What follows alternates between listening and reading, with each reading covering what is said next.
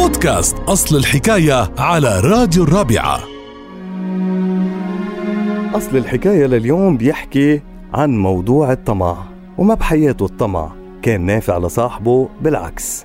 مثل ما بيقول مثلنا لليوم الطمع ضر وما نفع. وبتدور أحداث هالقصة بأحد أحياء الشام القديمة. كان في خياط بمارس عمله بدكانته صغيرة بكل جد وبكل نشاط ولكن هو عم بخيط بيردد قوتي تحتي قوتي تحتي. وبيوم من الأيام مر أحد اللصوص من جنب دكان الخياط وسمعوا عم بيردد هالجملة وعم بيقول قوتي تحتي قوتي تحتي. وفكر اللص وقال بنفسه أكيد في سر ورا هالعبارة. وبالفعل عزم أمره للعودة بالمساء لدكان الخياط بقصد السرقة. وقت اللي دخل المكان قام برفع السجادة اللي كان بيجلس عليها الخياط فشاف بلاطة فيها فتحة صغيرة. رفع البلاطة وشاف جرة مليئة بالليرات الذهبية وبالفعل تمكن اللص من فك شفرة عبارة الخياط واكتشف سر ليرات الذهب.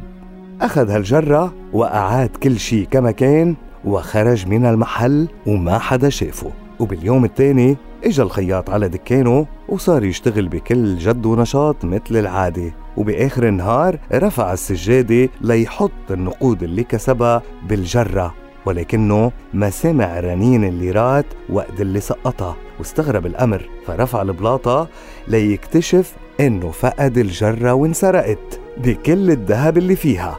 أكيد حزن وصابه الضيق والقهر ولكنه فكر بطريقة لاسترجاع الجرة. فالحزن والقهر ما رح ينفعوه بشي.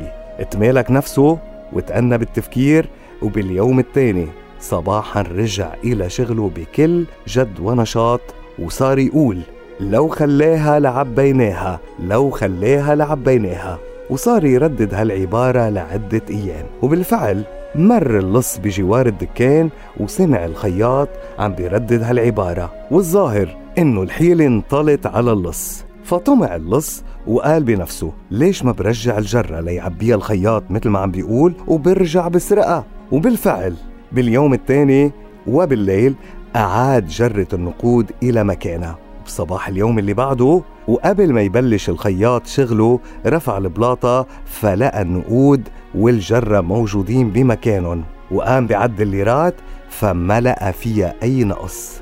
فأخذ الجرة وخبيها بمكان آخر وعاد لشغله مسرور وهو عم بيقول الطمع ضر وما نفع لتصير عبارته مثل مشهور تتناقله الأجيال وأصبحت رائجة عبر الزمان.